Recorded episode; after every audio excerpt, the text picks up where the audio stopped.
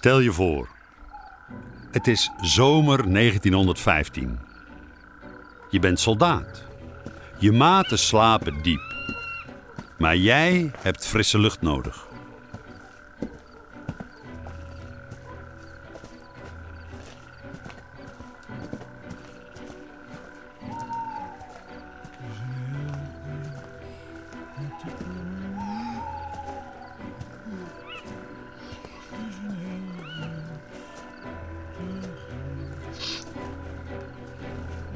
Halt!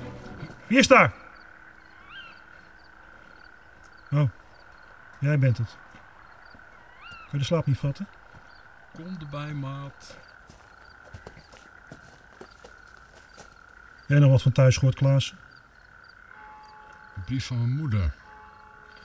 Ik snap nog steeds niet waar ik zit. Fort bij Spijkerboor.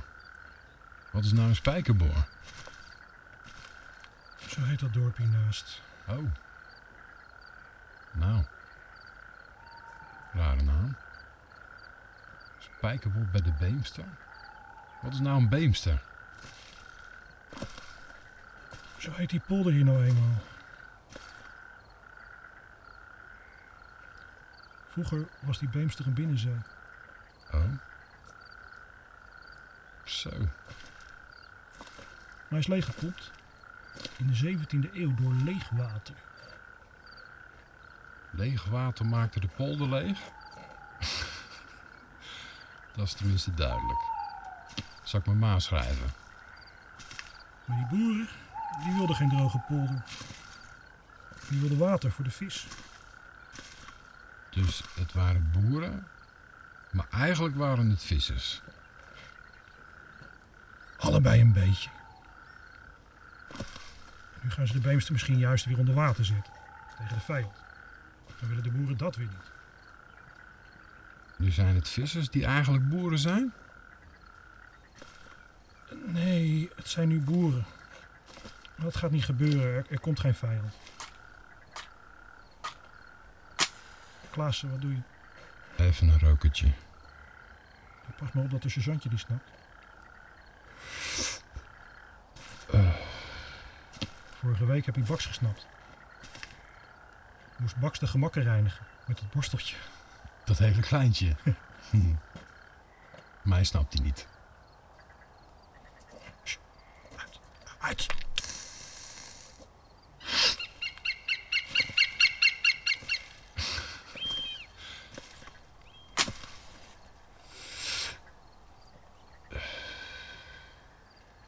De sergeant die denkt nog steeds dat de vijand misschien wel komt. Maar ik heb gelezen dat Duitsland en Engeland ontzag voor ons hebben. Huh? Voor ons? Nou ja, voor onze inundaties. Ach, weet ik veel. Het is allemaal politiek, hè. En of ze de zaak nu wel of niet onder water gaan zetten, daar gaan wij niet over. En toch is er wel eer voor. Wat? Nou, dat wij hier op wacht mogen staan. Nou, ik lag liever op wacht. Bij mijn liefie. Wij bewaken hier wel het Nationaal Reduit, Klaassen. Het Nationaal Reduit? Zo, heren, Sergeant! Sergeant! daar bent u. Nationaal reduit. Wat zegt het internet daarover? Een reduit, dat is een laatste wijkplaats. Dus als de vijand door de nieuwe Hollandse waterlinie heen breekt, of als de vijand niet uit het oosten komt, maar uit het westen bijvoorbeeld, dan is er altijd nog een extra waterlinie helemaal rondom Amsterdam. Ook met inundaties. En met forten, die zelfs bestand zijn tegen de hypermoderne eh, brisantgranaat. De stelling van Amsterdam, tegenwoordig soms ook wel het harnas van de hoofdstad genoemd. Oké, dus toen in 1914 de Eerste Wereldoorlog uitbrak. Gerard, wat kan ik voor je doen? Ik was even benieuwd hoe het gaat. Je bent bezig met de waterlinie, toch? Yes, ik zit midden in de Eerste Wereldoorlog. Oh, heftig. Nou, ik kan je geruststellen hoor. Nederland is neutraal gebleven. Ja, toch? Ik dacht dat ik mij dat ook kon herinneren. Maar er was wel een algemene mobilisatie. Weet je hoeveel man? Vertel. 200.000! En dat was op ehm 31 juli 1914.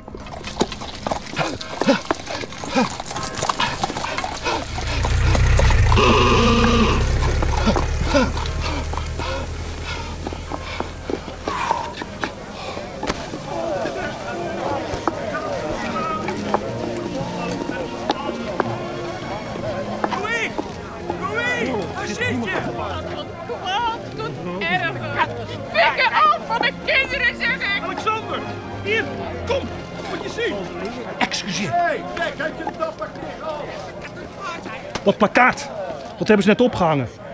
De minister van Oorlog roept de militair verlofgangers van alle lichtingen op voor opkomst onder de wapenen. Maar jij bent afgekeurd, Louis. Ach, één centimetertje tekort. Stelletje muggenzifters. Ik wil vechten. Dus die mannen hebben vier jaar lang Holland bewaakt. Die zaten te wachten op die forten. Klaar om het land onder water te laten lopen. Klaar om het nationaal reduit, dat was Amsterdam dus, tot het laatst te verdedigen. En toen gebeurde er niks.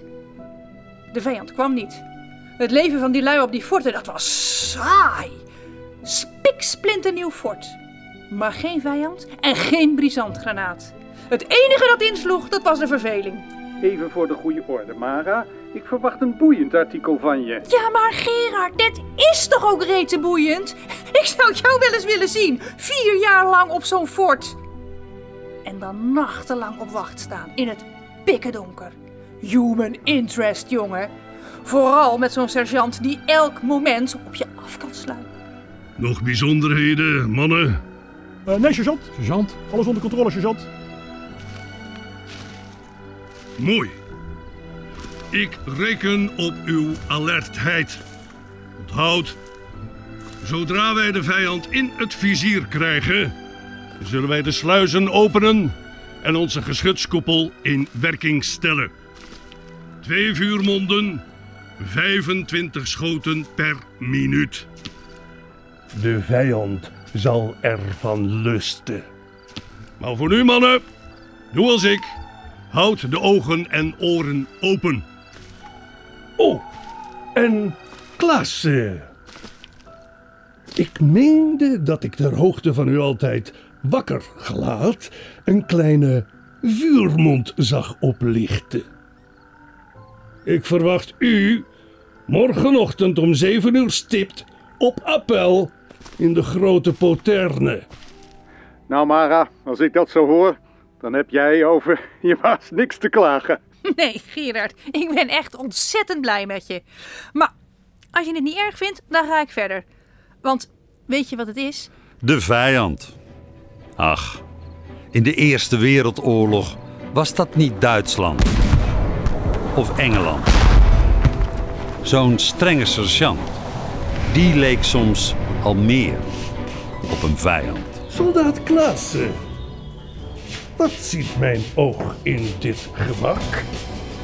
Wat is dit voor ondeugdelijk broddelwerk? Opnieuw! Maar er loerde een gevaar dat nog veel en veel groter was.